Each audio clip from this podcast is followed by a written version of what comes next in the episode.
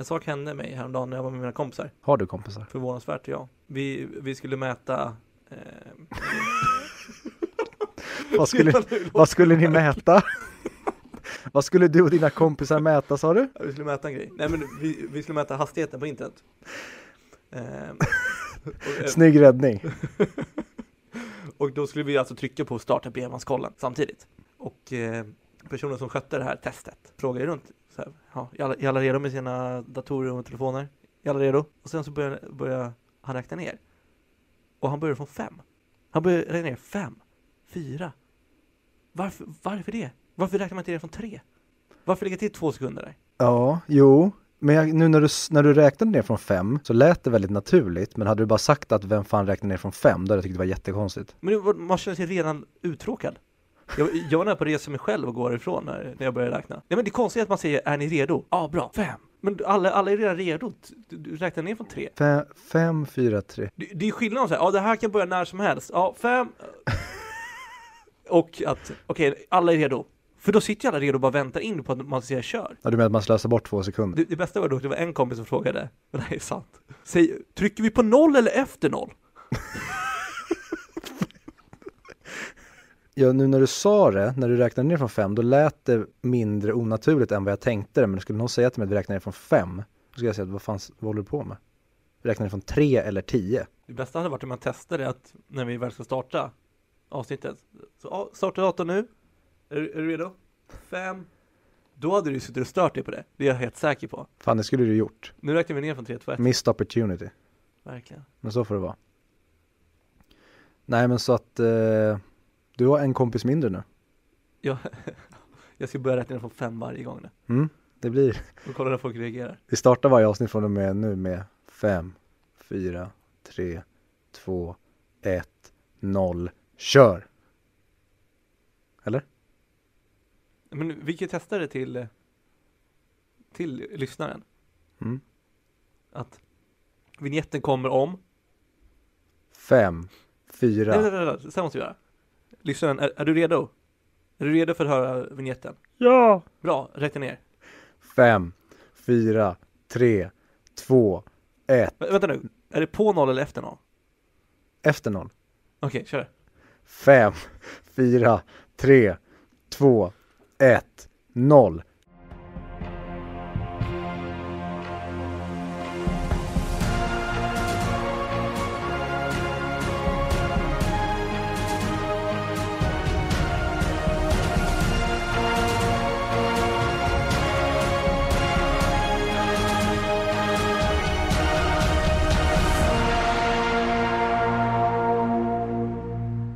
Välkommen till 100 Mix Podcast. Podcasten som pratar upp IMDBs topp 100-lista. Men inte Charlie Chaplin. Verkligen inte Charlie Chaplin. I dagens avsnitt så ska vi då prata om kanske filmen som har coolaste namnet på hela topp 250-listan. Eternal Sunshine of the Spotless Mind. Mitt namn är Fredrik och snett emot mig har jag Victorious. Hej Victorious. Hej. Hur mår du då? Jo men jag mår bra. Hur som haver. Hänger du mycket på Youtube? En del, men jag är ju inte down with the kids utan jag kollar ju mer långa typ samtal och föreläsningar. För jag tänker, Youtube borde ju indirekt gå in på film och eh, serier-kategorin. Om vi då ska prata om egentligen rörligt material. Det är ett videomedium. Exakt. Och det, Medie. det finns medium. otroligt välproducerade klipp. Till exempel, det finns ju en, en fan-made eh, Star Wars-film, på tal om att vi aldrig pratar om Star Wars. Eh, om eh, om Har Darth Vader tror jag. Har det gått ett avsnitt utan att vi nämnt Star Wars? Jag tror inte det. Nej. Hemskt. Jag ber om ursäkt. Men det är också det största populärkulturella fenomenet in history så att Men det finns ju skitbra dokumentärserier där. Vice brukar jag många på Youtube. Alltså det finns ju jättemycket intressant. det är jättebra att du presenterar för lyssnarna vad Youtube är och vad som finns där. Men jag blir förvånad över hur få som tittar där. Har du sett trailern på senaste Nolan-filmen? Tenet? Ja, Tenet. Ja. Har du sett den nya trailern? Trailer 2? Nej jag trodde bara det kommit en. Jag kan eh, länka till dig. Skicka. Jag skickar. Mm. Vad ska jag göra här? Du ska vi starta den?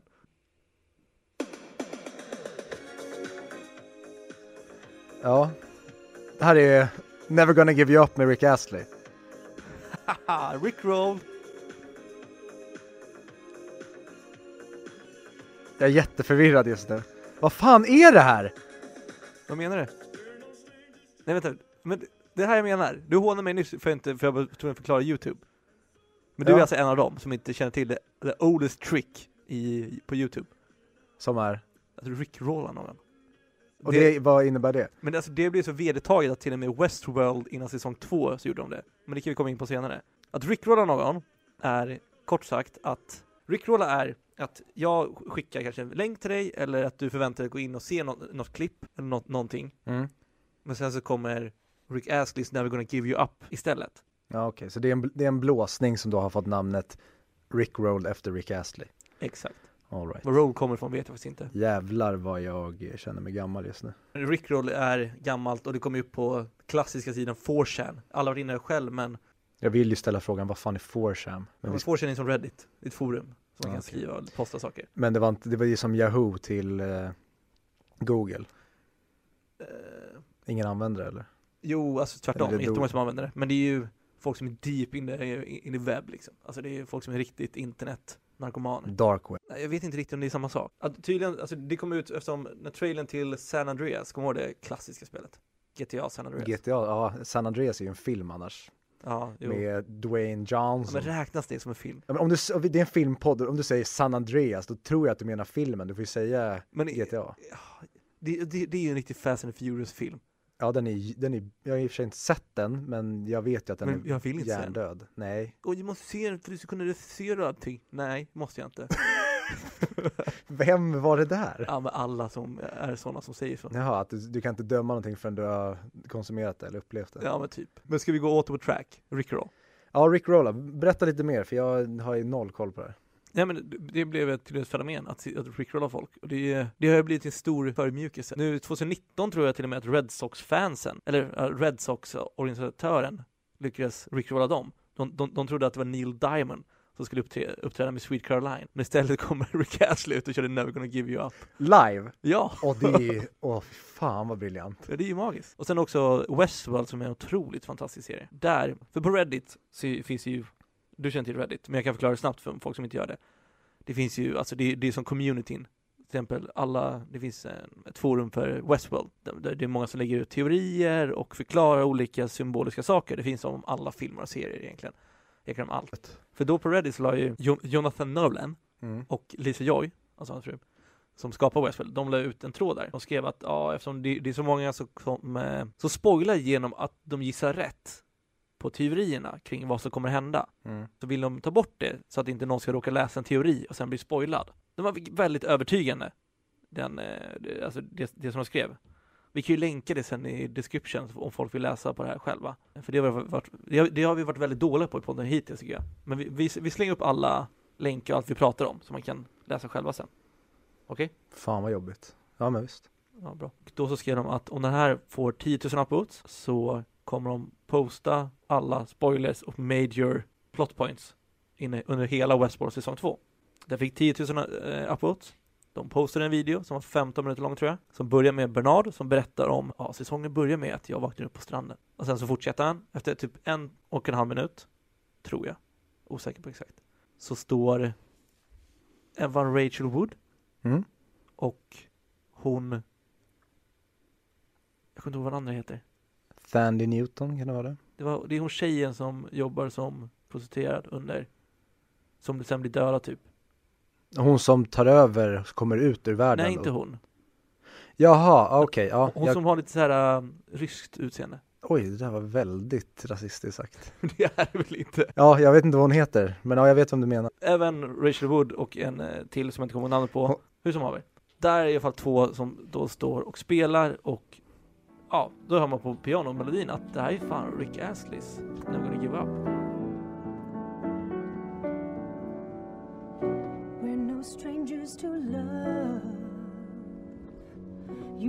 Så det de gör är att de eh, kör en ret av Rickroll. De rickrollar hela communityt. Och det är ju skitbra, dels för marknadsföringen och dels för det är ett väldigt roligt prank. Ja, och det visar att de har lite eh, självdistans också. Ja, men exakt, de, de connectar med, alltså med the community. Fan jag hatar personer som blandar in engelska ord i när man pratar svenska. Men nu är jag det. Ja. Nej men det är skit, skitintressant, alltså det, sånt är, tycker jag, skitkul. Ja. när filmer, eller bara e- egentligen när offentliga människor. Men jag tycker nästan att det har blivit, om vi ska, kan gå över på det, jag tycker nästan det har blivit en slags inflation i att kändisar ska vara med och bjussa på sig själva. För jag kommer ihåg när du och jag var små var det väldigt speciellt om det var någon stor person som gästade typ en annan film eller en tv-serie eller ett program.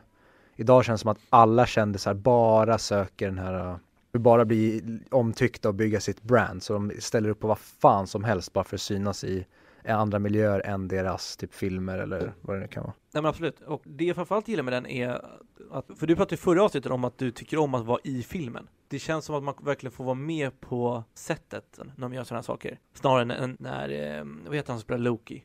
Tom Hiddleston. Till exempel Tom Hiddleston finns det massa filmer när han står och dansar för publiken och sånt. Han känns verkligen som en sån som försöker för hårt. Han, han försöker för mycket. Han är för själv, han är för medveten om vad han håller på med. Exakt. Man vill Mm. ha det här uh, genuiteten och uh, att de vill bara göra en rolig grej. Och det är väl det som bra skådisar är bra på när de gör roller. Det är att det känns genuint och det är därför det blir en bra rolltolkning. Men det känns ofta som att skådespelare inte är, eller skådespelare är väl oftare än typ artister och sånt som inte är skådespelare. Men jag tycker ofta det känns som att när skådespelare ska vara sig själva, men vara sig själva fast sköna och bjussiga, är det väldigt ofta det slår fel och man märker att det här är du som försöker spela dig själv i en skön version. Men också att skillnaden på West Westworld Rickrollningen, det är att det är inte de som kommer ut och pratar med dig och connectar. Det är serien som gör det. Det är skillnad, alltså, för jag vill, jag tycker inte att de ska inte, på internet så ska man vara i fred. Där ska man kunna prata utan, utan att de ska svara på det. Hänger ni med om vad jag menar? Ja, du får gärna utveckla. Om vi tar ett exempel, när TS Knas ändå höll på podden, bland med Petter, Pris, eh, Petter Bristav, Aron Flam och eh, Soran Ismail. Då så pratade Petter att han var inne på Flashback och läste på tråden som hette TS Knas. Såklart fanns det en. Och då var det någon som skrev, vad fan gör du här? Stick iväg, det här är, det här är, det här är vårt tråd. Alltså menar att, att de ska få vara i fred Mm. att prata med varandra om filmen eller podcasten eller vilken nu media det är. Och så tycker jag att det ska vara också. Och så när skådespelare går ur sina karaktärer och pratar direkt till publiken så förstör de det här uh, skyddsrummet, den här Mm. bubblan. Ja, så, så vill man väl ha att de kanske är lite untouchable. De ska nästan inte vara riktiga personer, de ska nästan vara fiktiva. Det är Ja. någonting vi dyrkar. Serien är någonting vi ser upp till. Då vill man inte att de kommer och möter oss och börjar blanda sig i våra diskussioner. Hur de är som privatpersoner ska inte förstöra min upplevelse av filmen eller serien. Nej, precis. Vilket du ofta kan göra. Man kan tycka olika, man kan ogilla personer för de här. Men det är det jag tycker som är bra med Westworld, för de, de bryter inte den här magiska isoleringen eller magiska bubblan. Tycker du inte? Jag tycker inte de gör det på det sättet. För det känns bara som att de, att, de, att serien lurar dig. Serien pratar med dig, inte just de skådespelarna. Ja, och det kan jag, jag håller med om det du säger. Och jag önskar att vi nästan skulle gå tillbaka till en period där all, alltså, men det är också svårt i och med internet-eran för då har ju allt det här kommit. Men jag önskar att det var bättre, bättre, nu låter jag återigen som en konservativ jävla gubbjävel. Men det var, jag, jag tyckte mer om tiden när man, när man inte, när det var ännu större avstånd mellan oss och skaparna eller kändisarna eller skådisarna. Att det var ännu längre avstånd. Nu med internet så känns det som att allting har kommit närmare varandra. Och det ser man också i och med när alla ska gästa allting hela tiden och dyka upp och vara den sköna snubben som ställer upp och gör narr av sig själv i ett annat projekt bara för att han vill bygga upp sitt brand som en skön snubbe. Och det här, åh, vi har ju sett dig sjunga den här sången förut. Och jag har med mig mikrofon, kan inte du sjunga? Nej, Ja. va? Ska jag göra det? Åh, det är inte alls planerat. Har du sett The, The Graham Norton Show? Ja, Ja. Han är ju, där, det programmet är ju någonstans där jag tycker att det här ofta slår rätt oftare än fel. ja, jag håller med. För där tycker jag ofta de får till det och han, men det är också för att Graham själv är en sån jävla skön snubbe. Så att han vet hur han ska få fram det roliga. Och han bjuder på alkohol. Ja just det, det gör han ju. Det är också en väldigt viktig grej.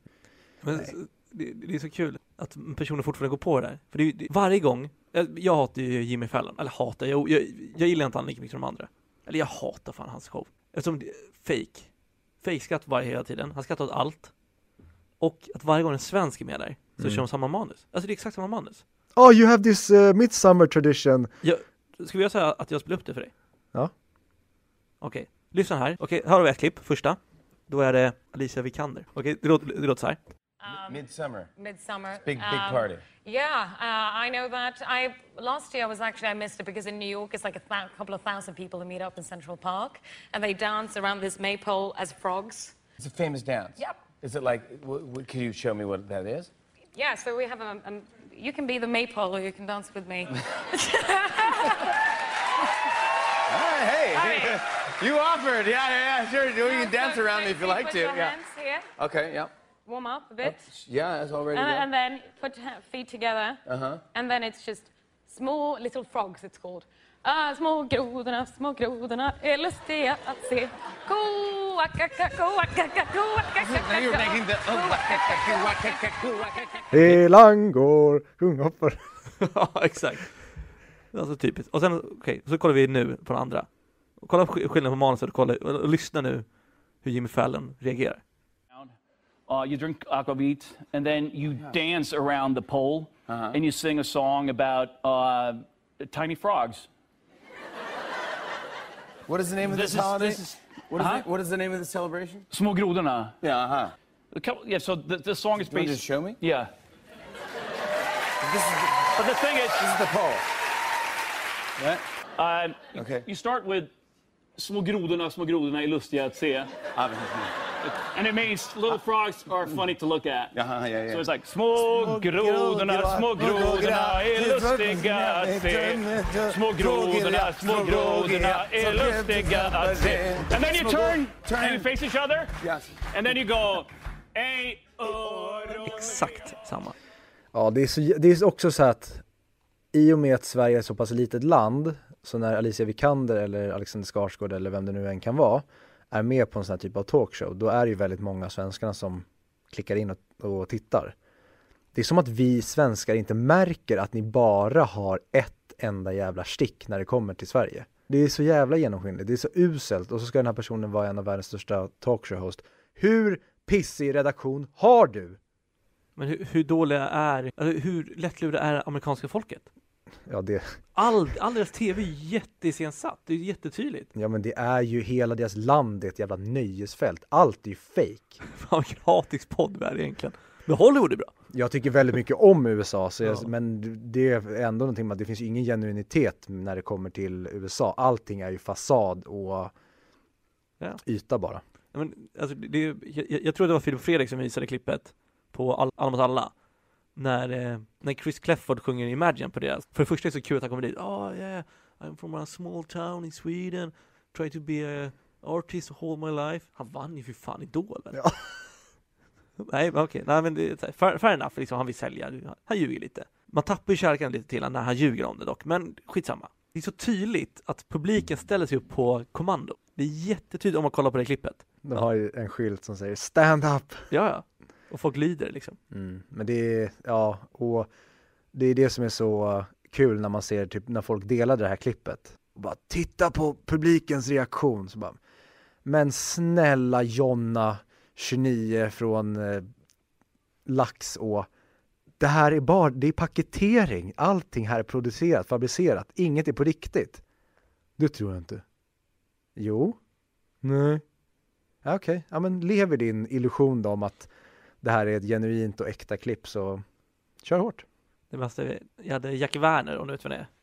Han gör, gör nå Han är ju spökpodden, men han är framförallt, eh, han är journalist va? han var det från början, han kanske är det fortfarande, men han är väldigt bra på eh, källkritik. Han har föredrag om det i Växjö när jag, när jag, när jag pluggade där. Och då så berättade han, då visade han en tråd, det var någon som så här, sa någonting om att så här, ja, en falsk nyhet kom ut, vad det nu var. Alltså bara, ja, så var det någon som hade kommenterat, så ja det här är skit, det här är ju hemskt att det händer så här, sådana här saker. Och så var det någon som hade skrivit så här, eller fler som hade skrivit, ja, men det, här, det, här, det här är inte sant, det här, är liksom, det här var ett rykte bara. Och då hade han skrivit, ja, jag skiter om det är sant, det är för jävligt ändå. det, det är ju lite den mentaliteten många har på Facebook. Jag skiter om det är sant eller inte, det är för jävligt oavsett. Ja, och det, men det är också så här i ett nötskal. Det, det är lite kul att dra skrönan att kolla aldrig en bra story. Problemet är ju nu när hela jävla mediacirkusen har blivit det fenomenet. Att alla vill bara ha en bra story. Sen skiter man i det om, om det är sant eller inte. Eller så är det en skandalös story. Och då spelar det ingen roll om den inte var sann. För då vill alla bara ha skandalen. Ja. och vara upprörda för det. Det är intressant med clickbait-fenomenet. Ja, ja men det är hela jävla klick, det har blivit, allting har blivit en klickonomi. Men det- är så synd på något sätt. Alltså, För ibland så, de bra försvinner ibland de dåliga. Till exempel, det underbaraste är ju när de, tagna på bar gärning. Det var ju en podcast som hade, upp, där vi ser att de hade snott jättemycket material. Krimpodden eller vad det var. Och det finns ett klipp när de live får den frågan och inte alls är beredd på det. Har du sett det? Nej. Eller det är ett ljudklipp. Ja. Men spela upp det då så får alla höra. Jag spelar upp det här så får lyssnarna också höra. Ja. Är du med? Mm. Fem, fyra, tre, två, ett, noll.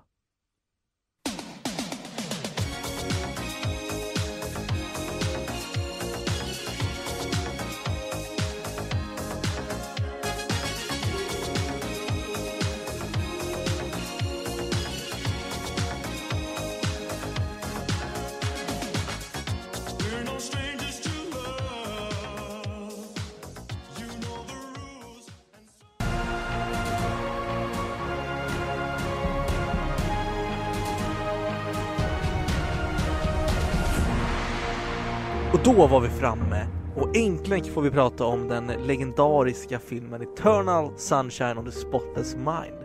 Mm. Eller som eh, jag kallar den, Inception 1. När har du gjort det? Nu, Vad kallar du Inception för då? Inception 2.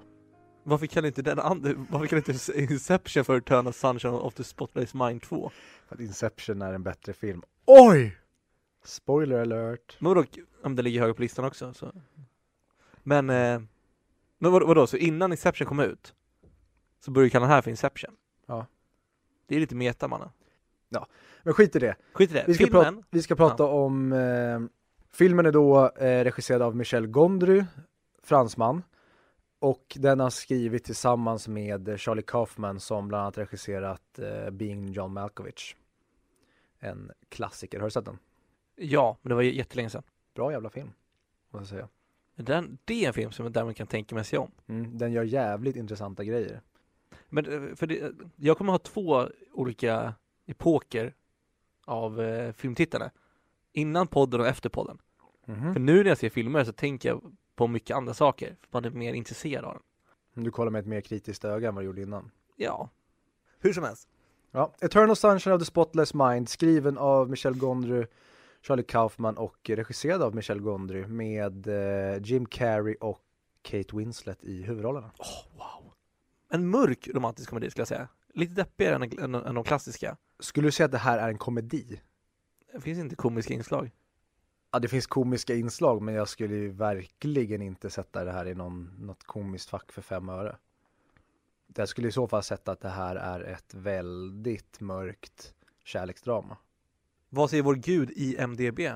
Den går under kategorin drama, romance och sci-fi. I stand corrected. Filmen handlar då väldigt kort om en person som spelas av Jim Carrey som heter Joel. Han eh, vaknar upp, han ska åka iväg till jobbet men får ett infall att Fan, jag vill åka till Montauk. Så ungefär svensk variant till för Fan, jag, jag vill åka till Tumba. Man vill inte det liksom. Va? Va? Montauk är väl, det är väl superfint? Ja, Okej, kanske det. Eller i och för sig, Tumba är också väldigt fint. Det kan vara fint. Tumba har sin eh, charm. Hur som helst. Flemingsberg då? Vad gör du borta i Huddinge? Varför kan du inte åka ut till, vi har, vi, du och jag bor båda i Tyresö, varför kan vi inte åka ut till Brevik och Tyresöstrand där vi har hav för? Men folk, vadå, folk, folk vill kunna connecta? Så du, Men, då, men vadå, så du menar att man vill åka till Montauk? Baserat på vad vi ser i den här filmen, ja. Fina beachhouses, stränder och ensamhet. Det är alltså Tylösand. Ja men precis, jag får ju mer en Tylösand-känsla än Tumba. Men Tylösand känns lite för härligare än det här. Ja okej. Men det är också för att den här filmen är otroligt, otroligt tråkig och den vill ju inte alls måla upp en härlig värld. Men en bättre liknelse. Ja. Han vill åka till Montauk som är ungefär svenska varianten att man vill åka till Båstad off season. Ja, ja men den kan jag köpa. Mm, Mm, det är absolut, samma den kan jag acceptera. Ehm, och där så träffar han en eh, tjej som heter Clementine som har blått hår. Och de två får den här vibben av att de känner varandra.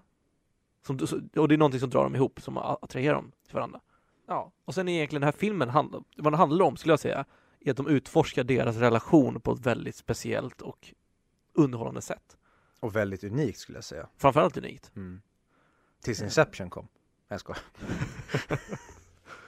Eh, Ja, nej men det räcker väl jättebra om handlingen. Det är egentligen en, en kärlekshistoria om två människor som är väldigt ensamma.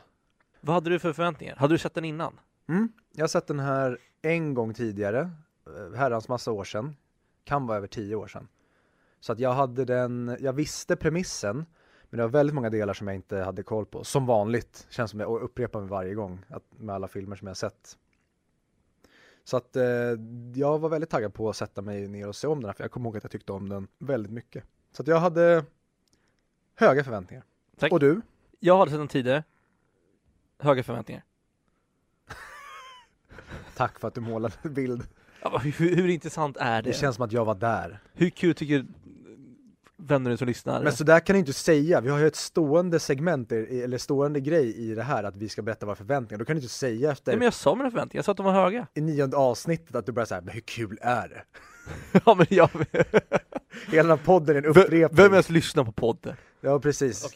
Jag hade sett den innan. Mm. Eh, första gången jag såg den så var det på en utomhusbio och det var ganska stor förvänt... Eh, förutsättningar för det började regna. Så gick jag hem så såg jag om den. Gillade den starkt då. Mm. Så jag hade höga förväntningar nu. Ja. Vet du vem Roger Ebert är? Ja, det är en av vår tids största filmkritiker. Det bästa är, du är den enda personen som typ kan så här sucken med svar på den frågan Ja. som jag känner. För ingen annan gemene man hade vetat om det namnet. Bara filmälskare vet ju om det namnet. Ja, han är ju, det är ju ingen, alltså vad ska man säga? Han är ju egentligen Ronny Svensson. Och Ronny Svensson vet ju alla vem det är. Det är den här enorma mannen, den feta karln som alltid har hawaiiskjortor. Som brukar sitta i TV4-soffan och recensera Ja, film. okej. Som man vet har otroligt mycket barnporr på sin dator. Och säkert en och annan unge inspärrad i sin källare. Det bara osar pedofil om honom. Men ändå får han sitta där och ingen konfronterar honom. Roger Ebert är ju en typ av Ronny Svensson-karaktär. Om Ronny Svensson inte var en så jävla platt filmkritiker. Roger Ebert har ju revolutionerat filmrecenserande. Eh, ja men exakt, hur som helst. Roger Ebert. En, alltså, Roger Ebert? Roger Ebert. Eh, en, alltså en, typ den mest, inte prisbelönta, en av de mest hyllade filmkritikerna i världen. Mm. Har den här filmen på sin Great Movies list. Det är stort. Ja, då vet, då vet man att den, det är ingen pissfilm i alla fall. Nej. Men det skulle jag vilja säga att när man ser på den här filmen bara så skulle man kunna tro att det är en pissfilm för den är fruktansvärt ful. Tycker du? Tycker du att den är snygg? På vilket sätt är det ful? Nej men fotot är ju, ex, det är ju en, en grå och trist film. Den, den målar ju inte upp en bild av liksom att ah, nu ska vi bli nominerade för bästa foto. Nu ska jag citera Victor Landgren här. Den gör ju precis det den ska göra. Ja, den, den gör ju precis det den ska göra, men den är fortfarande ful. Jaha, du Men menar... det är okej. meningen att den ska vara ful. Ja, exakt. Ja, Men så det är okej, inte ja, så, men det är inte så att de misslyckas med att göra en snygg film. Nej men då är vi, nej men okej, då är vi på samma sida. Men det, ja, jag tror du menar att ful som dålig. Jaha, ful behöver ju alltid inte vara negativt. Jag brukar, brukar säga det till min, Jo, min son. Det gör det. Du är jävligt ful, men det är någonting bra. Nej men alltså till exempel, jag, de har ju inte alls mycket specialeffekter i den här filmen. Nej, och det var en grej som jag verkligen kände direkt att så här, jävlar vad skönt att mycket av det här, de få effekterna som är med, här gör vi det på riktigt. Vi pratade om miniatyrer förra veckan. Ja. Här gör de tvärtom. Här gör de mycket real life grejer men de förstorar upp det. De gör riktiga set pieces. Men filmen är att han får reda på att Clementine, hans ex, har gått till ett ställe som kan radera människor ur ditt minne. De kan plocka bort den här personen helt och hållet så att du aldrig har en aning om att personen har existerat. Och därför väljer han att göra detsamma med henne för att han vill inte komma ihåg, kom, äh, han, vill, han vill inte minnas Clementine heller. Ja, så medan han är, är i sitt huvud och de håller på att ta bort minnena så befinner han sig på kontoret där han ser sig själv och är där själv också. Så det är två typer av Jim Carrey där. Det är inga specialeffekter då. Det enda han gör är att han- tar av sig och på sig jackan och sätter sig ner med, medan kameran vrider. Jävligt snyggt gjort. Mm. Och det var så, mycket var väldigt im, eh, improviserat i den här filmen. de, så här, de höll sig ju till punkt och pricka till manuset. Men så länge de höll sig till manuset så fick de improvisera i scenerna. Exakt. Och, och det var också, jag, jag läste nå- någonstans att de hade fler kameror som filmade från olika vinklar. Så att varje scen kunde se olika ut för varje tagning. För De, de testar från olika vinklar. Till exempel när eh, Mark Ruffalo skrämmer Kirsten Dunst. Eh, då, inför varje tagning så gömde han sig på nya ställen. Så, så att de skulle bli genuint rädd. Mm. Och det är så här, åh, jag älskar sånt. Ja men det är skönt när de, när de gör det lekfullt. Att istället Ja. för att hon ska behöva skådespela varje gång men hon vet exakt vilket ögonblick han kommer komma fram. Ja. Så gör de det på riktigt. Att hon behöver inte skådespela utan det blir mer genuint då. Ja, men det är ju nästan läskigare. Om jag skulle gå i korridoren här utanför och jag vet att du kommer skrämma mig men inte var. Ja. Det är ju ännu jobbigare för då bygger man ju upp det. För jag, jag tänkte på det, här här om veckan så pratar vi om alltså absurda filmscener. Ja, men det, är- det är jättesvårt att göra på den här filmen, eller i, i och med den här filmen, i och med att den är, hela filmen är, strukturen i filmen är ju kaos. Jo men det, det kommer tycka att det känns, en, på något sätt känns som att om den här kliniken hade funnits som raderar minnen så hade det kunnat sett ut sådär. Ja, Jag vet inte varför de säljer, för börjar man tänka logiskt hade det aldrig kunnat sett ut sådär. Problemet är ju bara att hade den här tjänsten funnits på riktigt så hade ju inte de fått vara sådär low key.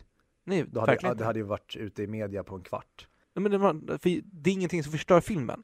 Det är ingenting man stör sig på. Nej, nej, nej, men om du ska liksom in och verkligen se, för nu är ju det här en sci-fi film, så du måste ju f- alltså förhålla dig till att även fast hela den här, den här världen ser ut precis som våran värld gjorde 2004 och 2005, så måste vi förhålla oss till att det är ett annat, alltså en annan typ av värld. För den Exakt. har regler som inte vi har. Det enda som jag reagerar på är att de måste ha två anställda som stannar med en person hela natten. Vad är med det då? Nej men alltså det är väldigt, alltså de kan alltså bota en patient om dygnet. Ja, där, det hade de faktiskt kunnat göra bättre genom att visa att kliniken kanske var större och det fanns fler som jobbade där. Ja. Men att det bara var de som vi fick följa. Alltså Mark Ruffalos. Exakt, det var det enda som jag, för nu känns det lite som ett familjeföretag. Men, eh, ska vi gå in på vad vi tycker om filmen? Eller vad vi tyckte nu den här gången vi såg den? Ska vi räkna? Ja, okej. Ska vi göra det? Och du får, du får välja fras eller ett ord som förklarar vad du tycker om filmen. Men eh, innan vi säger, alltså berättar vad vi tycker så kanske vi ska gå igenom hela så att när vi väl börjar prata om olika scener och sånt, i och med att det här är en otrolig, otroligt hoppig film, så kanske vi bara ska gå igenom hela handlingen så att de som kanske inte har sett filmen förstår lite grann i alla fall vad vi pratar om. Håll det kort och effektivt för de som har sett filmen. Ja, jag ska försöka. Ehm, hela premissen är då att Joel och Clementine har då varit tillsammans. De fann varandra på en grillfest ute i Montauk på stranden. Blev förälskade, väldigt lyckliga tillsammans. Men precis som många kärleksfilmer så ju längre de var ihop så kom deras brister fram och de började till slut avskyr varandra. Till den gräns att Clementine då som är en väldigt instabil person, hon känner sånt stort förakt mot Joel att hon vill radera honom helt och hållet ur sitt minne. Så att hon söker upp den här kliniken, raderar honom, Joel går och söker upp henne för att han vill lappa ihop deras förhållande, men när han går och träffar henne på hennes jobb så har hon ingen aning om vem han är. Och det här gör honom livrädd. Men då får han då, hur, hur får han nys om att hon har gjort det här? Hur får han reda på kliniken? Det kommer jag inte. Jag har ju tolkat känslorna helt annorlunda. Och då, för det första så tror inte jag att det var förakt hon raderade, utan sorg. Det är så jag tycker att filmen presenterar det först. Sen så får vi nysta ut det här hela med dem tillsammans. Okej. han, han går och, han i alla fall söker upp och när hon inte har en aning om vem han är så hur, jag kommer inte ihåg hur han hamnar hos den här kliniken. De, de visar kort. Han kom hem till eh, det Just där det. paret, de visar kort. Ja, den här tjejen har raderat sitt minne. De får, ju- alla är då i typ hennes närhet får kort om att hej, bara så att ni vet så har Clementine raderat Joel Barish heter han va? Ur sitt eh, medvetande. Så att egentligen alla utom Joel får, får reda på det här.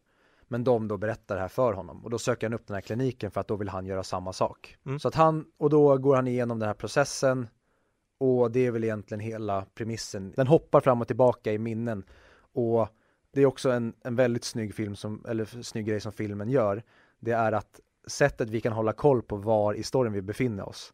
I Det är på hårfärgen. grund, ja, precis, på grund av Kate Winslet eller på grund av Clementines hårfärg för att hon färgar håret konstant. Men ja, nu, nu känns det som att vi i alla fall har täckt filmens handling lite grann. Så nu om du vill kan vi gå in på vad vi tycker.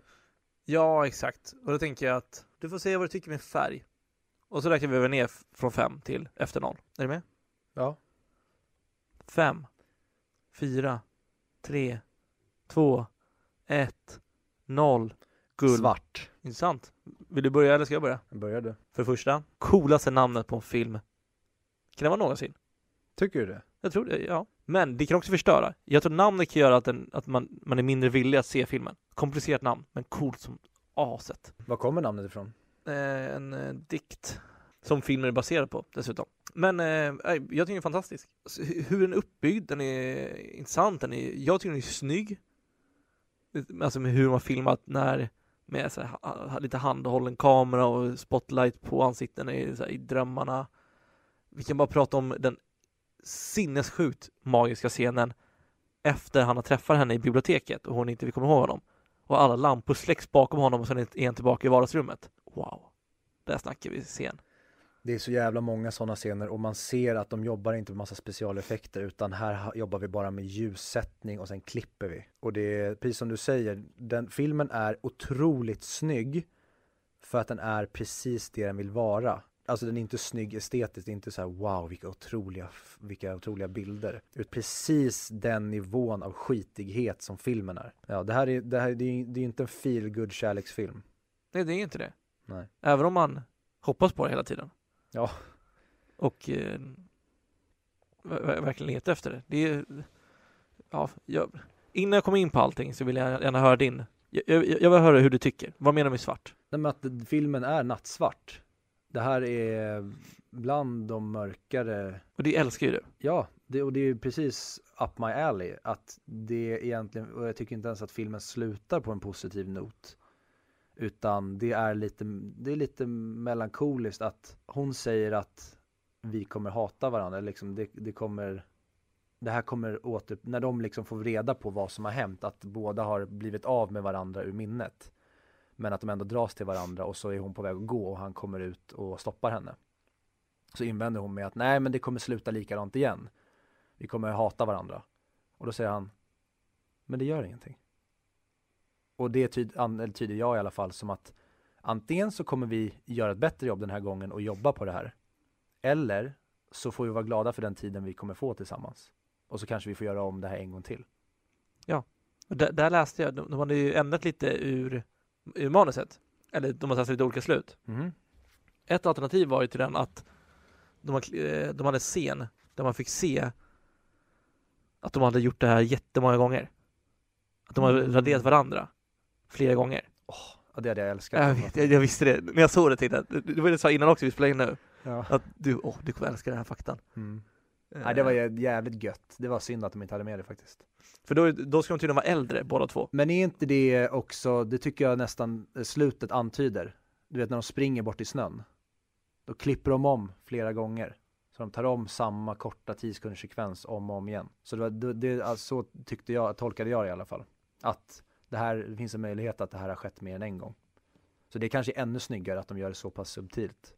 Nu när, ännu mer när jag vet att de hade det, den planen för det. Det här, det här känns som att nu, nu kommer vi tillbaka till filmer som vi båda kommer hylla som tusan. Jag, alltså, jag vill bara fortsätta. Jag, vad innebär liksom, varför hittar de tillbaka till varandra? Ja, och det är ju också så här, även fast det blir väldigt, vi får aldrig veta riktigt hur de gör det, men de går ändå in ganska konkret på när de raderar folk ur minnet. Där är vi ändå in, alltså, att man kan kvantifiera det. Ja. Att du i en dator kan plocka bort minnen rakt av, nästan som att du går in, som en, det blir som en, du opererar i hjärnan, och som man säger, operationen är en hjärnskada. Men även, och då, då vänder man på liksom att kärlek är en omätbar kraft. Att även fast du raderar det här och gör det så pass visuellt, att vi får se hela raderingsprocessen, att Jim, vi följer Jim Carrey genom den här, att han faktiskt försöker fly undan raderingen.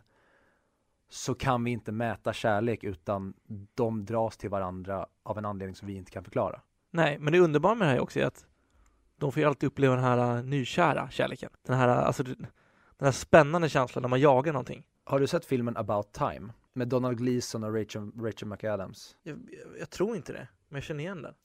Kan verkligen rekommendera att se. Den filmen utforskar då istället, det, det handlar om Donna Gleeson som får reda av sin pappa att alla män i deras, eh, alla män i generationer i deras familj har kunnat resa tillbaka i tiden. Och då är de gör väldigt intressanta grejer med det här och liksom, ja men till exempel en grej är en första dejt. Han går på en dejt och det blir fel. Då går han bara därifrån och så gör han om det. Han åker tillbaka i tiden så gör han om det så att han blir bättre på det varje gång. Men att det är det äkta som egentligen, det går inte att påverka för det är alltid någonting som kommer att förändras. Det är alltid någonting som kommer styra bort så att det går åt helvete. Så du måste egentligen låta det vara bara. Och jag tycker det hade också hade varit ett intressant koncept att se den här i, eller det finns många andra filmer som utforskar konceptet i att okej, vi ska ta om det här och bli nyförälskade igen. Men då skiter sig saker som gör att ja, men en av personerna blir förälskad i en annan.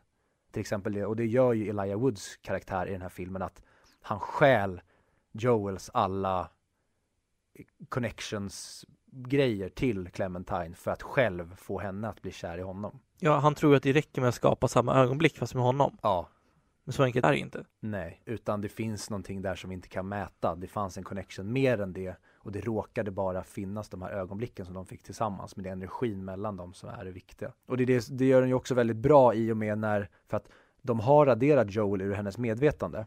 Men de här grejerna är, det, alla grejerna som han återskapar Elijah Woods karaktär för att få henne att bli kär i honom.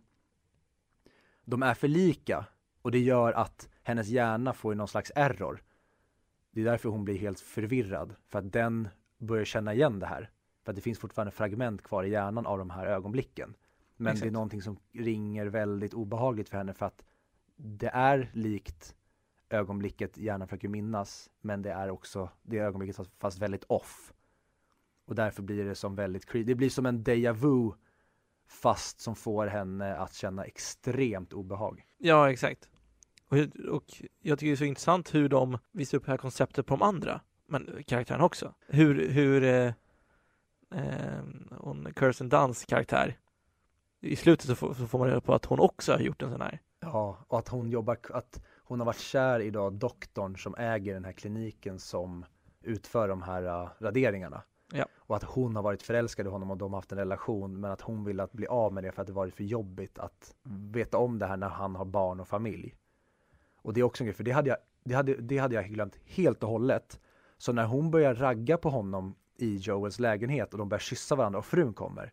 Då kände jag bara, men vad fan är det här? Vart är det här på väg? Var, Ja, varför tar vi in Varför det här? så lack Jag hade också glömt bort det. Det bara, vad det här, det här, nu, nu har vi gått helt off track i filmen. Vi har ju helt tappat spåret. Ja. Men sen när man får reda på vad det är, när, när frun står ute och säger så här, att hon inte blir arg utan det är bara så här, åh, igen. Tell the poor girl. Ja, och det blir så här, då man förstår det att så här, oh my god, ni har bara adderat ytterligare ett lager av sorg i den här redan så jävla tragiska kärleksfilmen. Men det visar på hur mänskliga de också är. Det är det, alltså bristerna hos de som man tror är perfekta. Ja. När han kommer hit och säger, de bara, nej, alltså, för de har ju haft fest där. De måste städa undan allting, allting måste se perfekt ut. Man tänker att det här är, det här är en person som gör allting ordning och reda, har ett perfekt liv egentligen, tänker man. Ja, gubben ja. How, Exakt. Vad heter han? Howard? Och sen när man får reda på det så märker man, okej, hans liv inte alls är det. Det är lika kras som alla andras här. För det är precis som du säger, när de ringer honom och säger så här, nu måste pappa komma och hjälpa till. Ja. För att barnen har förstört, de har, de har inte kunnat leka på egen hand. Nej. Då tänker man så här, oh my god, nu måste de verkligen sköta sig för annars kommer han få ett utbrott eller sparka dem eller någonting. Men han är hur förstående som helst. För att han är precis lika paj som du säger, som de andra. Ja men det är den här klassen när man var liten och man trodde att, att ens föräldrar, de hade koll på allt. De visste allt. Så, så känns han som, hans karaktär. Fram tills man fick reda på det där. Ja, ja men verkligen. Och det är som, som jag sa, det adderar bara till lagret av Oh my god. Så att du, förutom, alltså hade du bara presenterat hela filmen med bara Clementine och Joels del och skippat det här med att de, när de ska göra raderingen på honom, att de håller på, de blir bänga och håller på och dansar runt och krökar under den här processen. Hade de skippat alla de delarna så hade det fortfarande varit en, varit en otroligt unik och intressant kärleksfilm. Men så adderar du Mark Ruffalo, Kristen Dunst och Elijah Woods och, oh, nu kommer jag inte ihåg vad han heter, men han spelar Falcone i eh, Batman Begins. Tom Wilkinson va? Ja precis, Tom Wilkinsons karaktär. Och att de lägger till alla de här också gör att de får sitt ark med att de är där och att de fuckar upp, att det blir den stressen och i och med, ja men som du säger, Howard-delen och även Elijah Woods otroligt obehagliga försök att få henne att bli förälskad i honom för man förstår att det här är en snubbe som inte är så omtyckt. Det säger han ju när att Kirsten Dunsts karaktär Mary, att hon inte gillar honom. Mark Ruffalo försöker vara lite schysst och säga jo men det gör hon.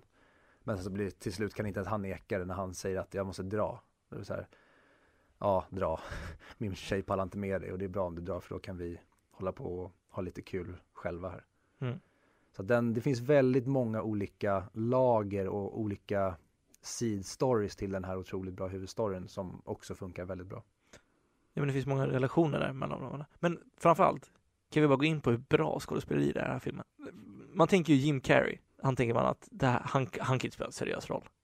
Så man, Luhu. Men jävlar vad jag köpte hans karaktär. Ja, och det, en sån här film får mig att tycka att fan att Jim Carrey inte kan göra mer drama. Precis som många av de bästa komediskådespelarna så är de otroliga drama och ja men tragediskådisar. Vet du varför? För alla komiker, inga undantag, kanske undantag, har väldigt tragiska liv. Det är därför komedi, eh, komedi det, det säger de själva nu. Och det är ett briljant av Robin Williams, den avlidne, Rip in Peace. Han sa det att det är oftast de människorna som är mest måna om att få andra att skratta som mår som sämst inom sig själva. Så de försöker sprida glädje och skratt. För att, och men det är också, jag tycker också att den bästa humorn kommer från de absolut mörkaste platserna. Jag tycker att ju mörkare vi går ju närmare gränsen vi kommer, desto roligare blir humorn. Ja, Vi började, eller började prata om att, ja, Jim Carrey och drama. Eh, ja men det är som Jonah Hill till exempel, som, ja men en skådis som kommer från bara humor som egentligen, det är bara kul, alltså bara man kollar på honom så börjar man garva. Han gick och gjorde, alltså drama och då blev han erkänd som en bra skådespelare som till exempel Moneyball. Men även han gjorde serien Maniac där han spelar en eh, deprimerad person. Har du sett den? jag har börjat se den. Mm. Jag, jag, jag har inte sett klart den. Eh, och det är också ett e- exempel, det finns hur många exempel som helst på skådisar som har börjat på komedispåret men sen som har gått och blivit erkända som, ja men eller blivit Oscarsnominerade liksom erkänt bra skådespelare när de klivit över till drama. Ja, Jim Carrey, jag önskar att han hade kunnat kliva över det facket helt och hållet men han, han misslyckades ju lite med det. Han gjorde den här 23 heter den va? Om när han blev besatt av siffran 23 som var ett haveri och sen har han även gjort flera väldigt seriösa roller men han fick aldrig det erkännandet som en eh, duktig dramaskådis. Men även eh, Kate Winslet. Jag tycker hennes karaktär är jättebra gjord. Ja men hon, hon är ju en av våra bästa. Hon är ju otrolig, alltid. Alltså vi, vi brukar prata om movie babies, men om vi ska prata karaktärer som har fötts i den här. Så jag tänker direkt på, har du sett eh, Scott Pilgrim vs. The World? jag Ja. heter? Hon karaktären där, Fiona, hon är, måste ju vara en kopia av den här. Jag vet inte, men är inte Scott Pilgrim baserad på en eh, comic book? Jo, jag tror det. Ja, så jag vet inte hur hennes karaktär är där men ja, jag vet inte hur, hur länge sedan den serien skrevs. Men ja, absolut, det kan jag absolut Men det, det är någonting hos sådana tjejer som ändå drar en till dem. Nej men det händer någonting. De, Ja. de är hela tiden, det är som hon säger, hon tycker att Joel till slut är skittråkig. Ja, Men han är ju liksom en, liksom en rock som hon kan klamra sig fast vid. Det finns, Ja. Han är ju superstabil och trygg. exakt. Men hon är bara kaos. Ja, men för att han, man märker det ganska tydligt när, när relationen pågår, så blir han mer som så här att han blir arg istället för att tycka det är gulligt. Om du förstår vad jag menar? Ja. Någon tar sönder bilen och Ja. åker på eh, traken, då blir han bara, då blir han arg. Eller någon vill till och med göra saker och han säger nej men jag orkar inte. Nej men som sagt, alla, alla skådespelare är jättebra. Jag tänkte också, Kate Winslet har ju sagt själv till Empire Magazine att det här var hennes favoritframträdande. ja. Och det blir man ju också glad av när hon har varit med i så otroligt många bra filmer. Ja, ja men hon har väl vunnit eh, Academy Awards. Så jag menar, det är ju fruktansvärt bra skådespelare. Och hon blev nominerad för en Oscar för den här rollen. Ja, fick du några nomineringar för den här filmen? Eh, ja, bland annat hennes. Bästa foto? Eh, you wish. Ja men den blev nominerad för bästa originalmanus och den blev nominerad för eh, bästa kvinnliga huvudroll. Och den vann Oscar för bästa originalmanus. Vilket jag kan bara säga, Well done. verkligen. Men eh, när, när kom den ut? 2004? 2004 och så vann den på Oscarsgalan 2005. Mm, okej. Precis. En annan scen som jag tycker att är otroligt bra, det är när de är på tåget och träffas då när de är på väg tillbaka från Montauk. Mm. Eh, Väldigt tidigt på filmen. Ja. För då spelas det ju musik varje gång de pratar med varandra. Från början så var ju meningen att den här musiken skulle fylla tystnaden. Men sen bytte de. Sen var det ju han Charlie Kaufman Mm. som valde att göra tvärtom. Ja. Och jävlar vad bra scenen blev då. Ja. Alltså, sånt går jag igång på när det kommer till filmer. Alltså, jag kommer ihåg nu när jag såg den, för mycket av det här kommer man inte ihåg. Men nu när jag såg den igen, det var verkligen en otroligt underhållande scen. Men det jag tyckte var skönt med den här filmen var att de inte behövde visa så mycket. De behövde inte visa förhållandet så mycket. De behövde bara visa nyckelsituationer i förhållandet. Mm. Du behövde inte bli presenterad av hur exakt hur allting går till. De kunde vänta med det. Alltså, jag fick väldigt mycket 500 Days of Summer-vibbar av den här. En film du tycker om eller? Jag tycker om den. Jag tycker om det här mycket, mycket mer. Jag har inte sett den på jättelänge men jag minns som en pissfilm. Dels för att jag vill strypa Zo- Zoe Deschanel. Varför det? För att hon beter sig som ett jävla svin i den. Ja, det gör han. Och jag vill bara krama Joseph Gordon-Levitt och säga allting kommer bli bra. Men varför i helvete jagar du det här psykfallet som bara beter sig som ett svin mot dig? Men nog om den. Ja. Den kan vi prata om någon gång. För den är inte med på IMDBs topp 100. Hellre den än Citizen Kane. Nej, jag skämtar bara. Det var ett skämt. Det var ett skämt.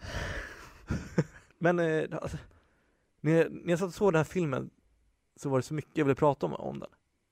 Allt från, som jag snackade om innan, konceptet de håller på att utforska med kärlek och med så deras minnen och hur man kan använda det. För en annan grej som blev utklippt, det var ju att de skulle visa fler karaktärer, eller fler personer som använder det här att ta bort minnet, operationen. Mm. Det var en soldat som typ hade sett sin kompis dö i strid. Och, och typ en tjej som blev våldtagen och sådana här andra saker som, alltså subplots som blev bortklippta från manuset. Ja men... men lite mer som förklarar metoden ytterligare. jag gillar att de inte hade med det. Ja, och det behövs inte. Exakt, det är just det. De behöver inte visa mer. För när de visar så här lite så bör man ju inte ifrågasätta det. Som jag var inne på innan, det blir ingen absurd filmscen att det här finns. För eftersom hela filmen är väldigt fokuserad på de här två karaktärerna och man får inte se resten av världen. Mm. Den enda inblicken på resten av världen man får se är de här karaktärerna från, eh, från den här eh, kliniken och det här paret som, som han känner, som Joel känner. Och, det är det som, och då får man verkligen en inblick.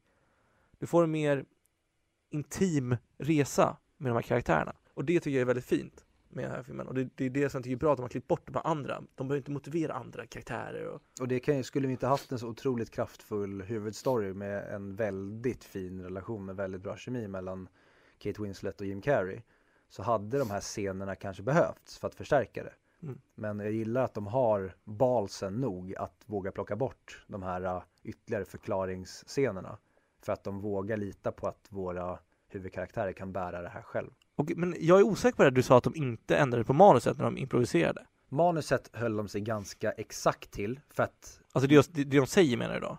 Eller menar du vad som händer? Nej, alltså själva strukturen och alltså filmens, hur det utspelar sig. Ja exakt, men vad de sa och sånt, det var ja, det de nej, impro- nej, det, det, får, det leker de med. Men det är det, som Ah, är, det är det som är så bra att har ni ett väldigt bra, liksom, en väldigt bra grund att stå på. Att, ja men blueprintet som är manuset. Följer ni det till punkt och pricka när det kommer till struktur och händelseförlopp så kan man då i de här scenerna leka och ta ut det. Ja och det funkar verkligen om man har bra skådespelare Mm. som kan gå in i rollen. Ja, För de, de vet ju rollen nästan bättre då än de som har skrivit manuset och regisserar. Ja, och man utvecklar det tillsammans med sin regissör och sin manusförfattare Exakt. och sen så, ja men Sen kan det vara att de skriver om olika scener när de har liksom kollaborerat tillsammans. Ja, och det finns genialiska eh, exempel på det här som eh, The Usual Suspect. Någon som är uppradare. Då får de ju bara den här linen som de ska säga och då har ju de sagt innan, säg det så, så som ni vill. Det är därför när de skrattar där inne så skrattar de ju på riktigt. Mm. Genialiskt. Eller ja, Star Wars, Hans Solo, när han ser bli nedfryst och Leia skriker I love you. Och han säger I know.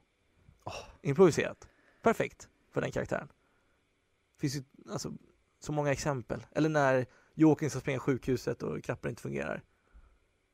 För sprängningen blir ju delayed. Ja, Då står jag också där och, och improviserar. ja. Även om det inte är samma sak, men det är fortfarande imponerande. Jo, men en, en annan skådis hade ju kunnat liksom fråga vad fan är det som händer? Har vi, har vi brutit?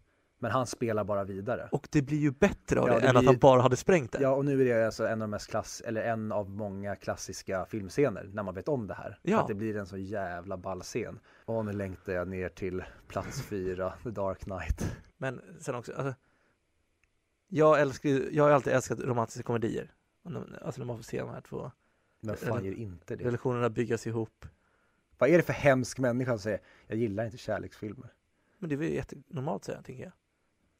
Okej, Jo- John Tucker Must Die, jättebra. ja, du går ner på den nivån. Okej, då, där, där är jag inte med dig längre. Då gillar jag inte kärleksfilmer. Nej, det är det jag menar. Ja. Men eh, det var därför, det här känns som en klassisk romantisk komedifilm på det sättet de bygger relationer. Det var, det var därför jag tog den gissningen i början på att IMDB också hade klassificerat den som det.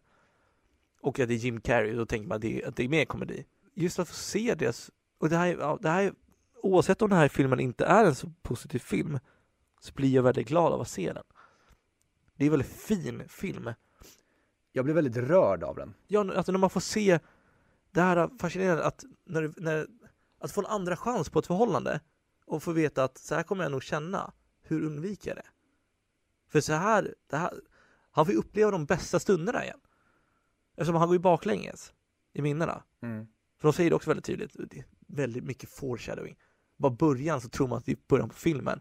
När Patrick står och knackar på fönstret och frågar vad han gör där. Ja, och den delen glömmer man. Man Ja, glömmer att den ens varit med. Det sjuka var trots, trots att jag visste att det hände det där så fattade jag inte det förrän det hände på riktigt i filmen. Så, så snyggt tycker jag det är. Men om man lyssnar på allting de säger till varandra där så är det, det passar ju in som att det är första gången de träffas. Där, haven't we met before? Det säger de bland annat. Och så här, do I know you? Det är sådana klassiska.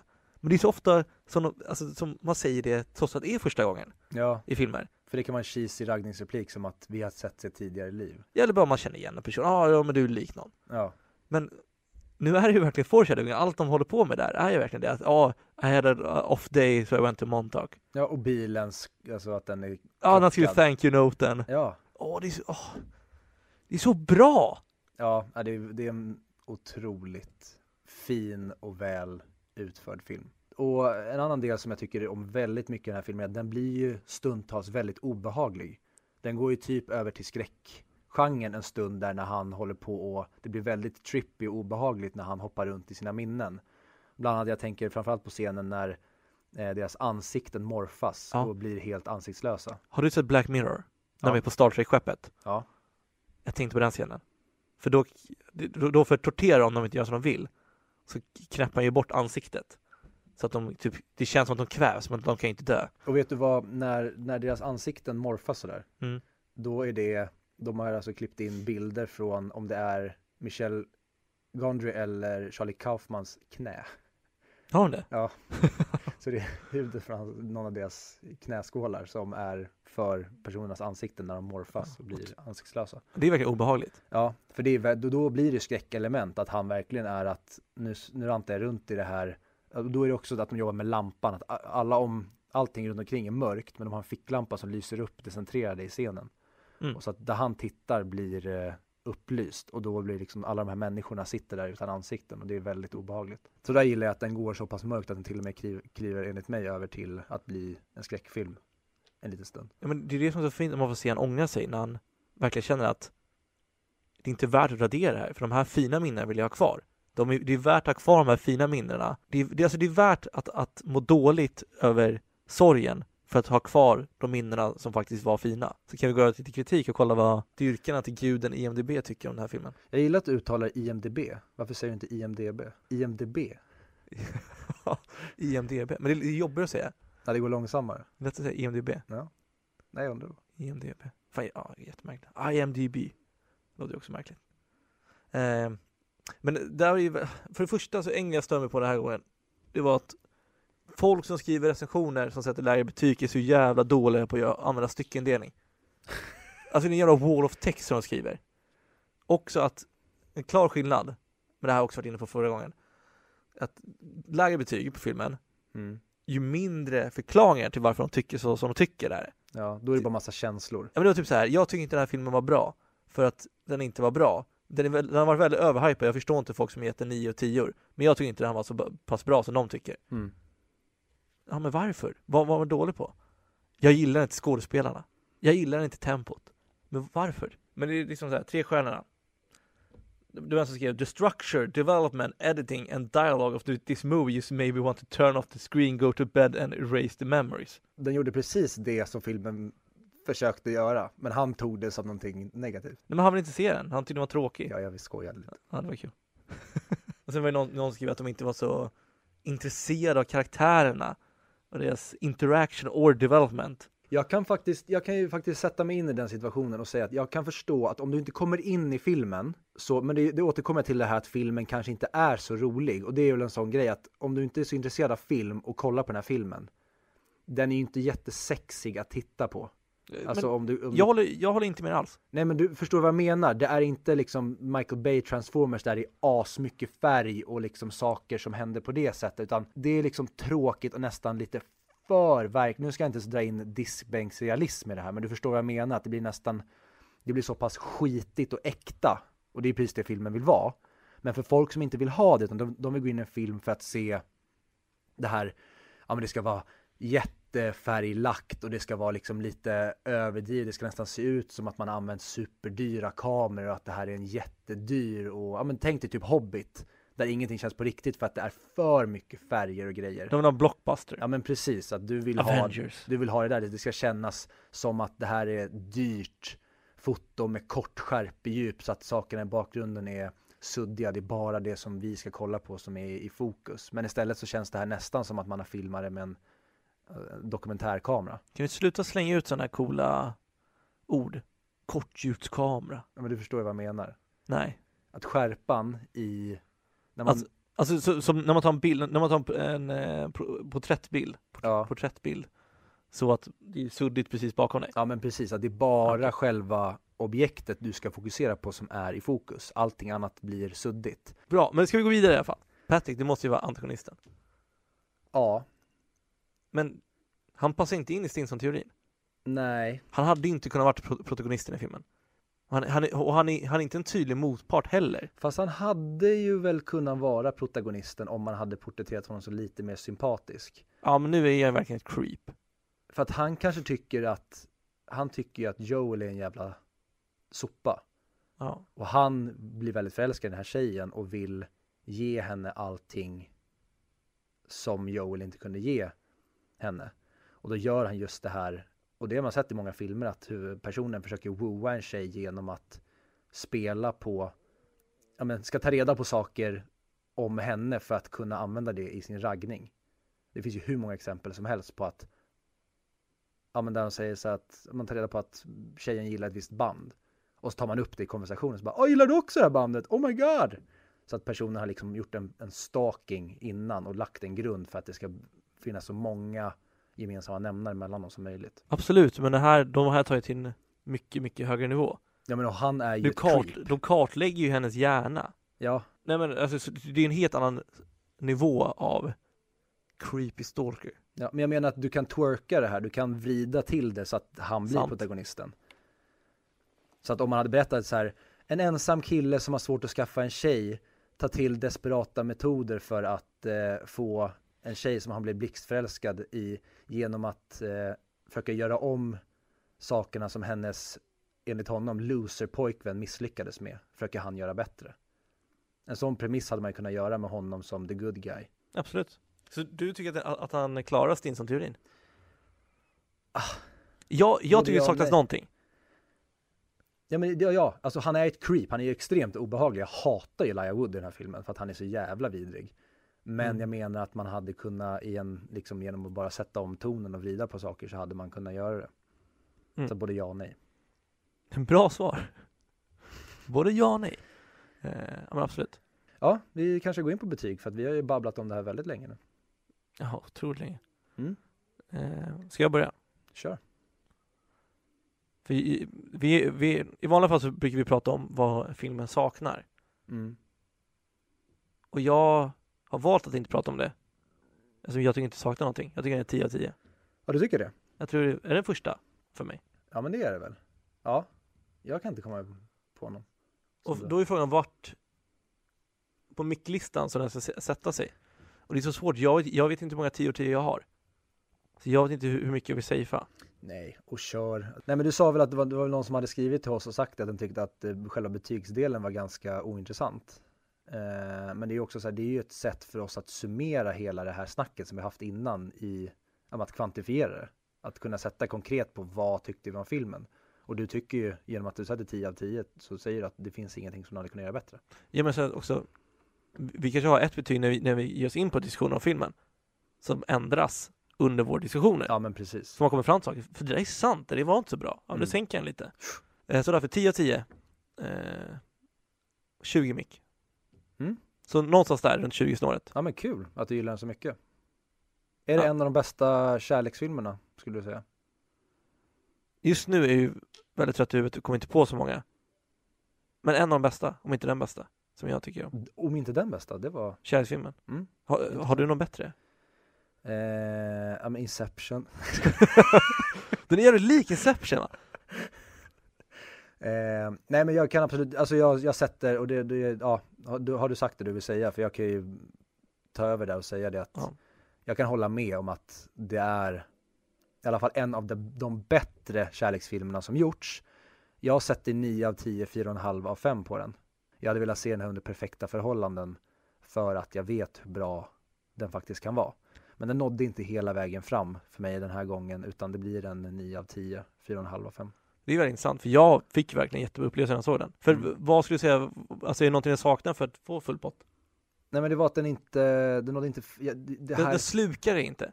Det roliga är, om, jag nämnde innan att de funderade på att vara med när man fick se att den här pro- proceduren hade skett flera gånger och och man fick se när de var gamla till och med. mm, Om de hade haft med den så tror jag att våra betyg hade bytts. Då hade jag gett en 9 av 10 och du 10 av 10. kanske. Jag tror det, för jag jag tar ju slut som ett lyckligt slut. Jag går in med inställningen, de här kommer leva lyckligt alla sina dagar. Och jag tar, en, jag tar det här slutet som, det kan vara vilket som. Exakt. Men Eh, det är också det som jag, det gillar jag, så det är verkligen ingen negativ grej. Nej, nej, jag vet. Och det, det tror jag alla vet nu. Du vill att någon ska dö i slutet. Du, Ja, men också så här, det är inte, det är så här, jag, jag älskar också lyckliga slut. mm. Som Inception. Nej men alltså, jag vill ju se den igen, filmen. Ja. Så mycket gillar den. Mm. Det är därför jag känner att jag måste ge en 10 av 10. ja, men en film som du vill vara i. Ja, Och det skulle jag säga är för mig filmer som gör allt den ska för mig. Det är filmer jag vill vara i. absolut. Med det så vill jag säga en sak. Maila oss på 100micpodcast.gmail.com Mm. Och berätta vad ni tycker. Och vi tycker det är skitkul när det är fler som har hört av sig och sagt att de har eh, lyssnat på podden och det tycker vi är skitroligt. Ingen till dig va? Eh, nej men det är skit, så, viktigt att säga, det är kul när, när, ni hör av er. Skriv gärna någonting. Instagram, Ja, ni kan för, nå oss på Instagram någon, någon av de Facebook. sociala medierna. visst heter vi, det vill bara söka på 100 mic eller 100 mic podcast. Ja, precis. Vi heter 100 Mic Podcast nu på alla ställen. Ja. Så att det skulle bli extra tydligt vad vi var för någonting. För Ihopsatt eller isär? vad- Vad sa du? Ihopsatt eller isär? På Facebook lät oss inte heta 100 Mic Podcast, att ordens, alltså att 100 och mic satt ihop. Så, Så på där- Facebook är det 100 mellanslag mic mellanslag så- podcast. Och på resten är det 100 mic mellanslag podcast. Ja, men 100 Mic så hittar ni oss i alla fall. Och så sagt, skriv då. Säg att jag har rätt med att nej, är, Harry Potter är inte en julfilm. Det har jag aldrig sagt. Men det utspelar sig på julen. Nej. Ja. Där, det, precis Minns vi bråkade sig vid hejdå och sen så fejdade vi ut Jag här. är så jävla trött, du nu får helt du fel. Sluta nu, jag orkar inte! Ja vadå, är, eh, är Little Ant, är det en eh, film på sommaren?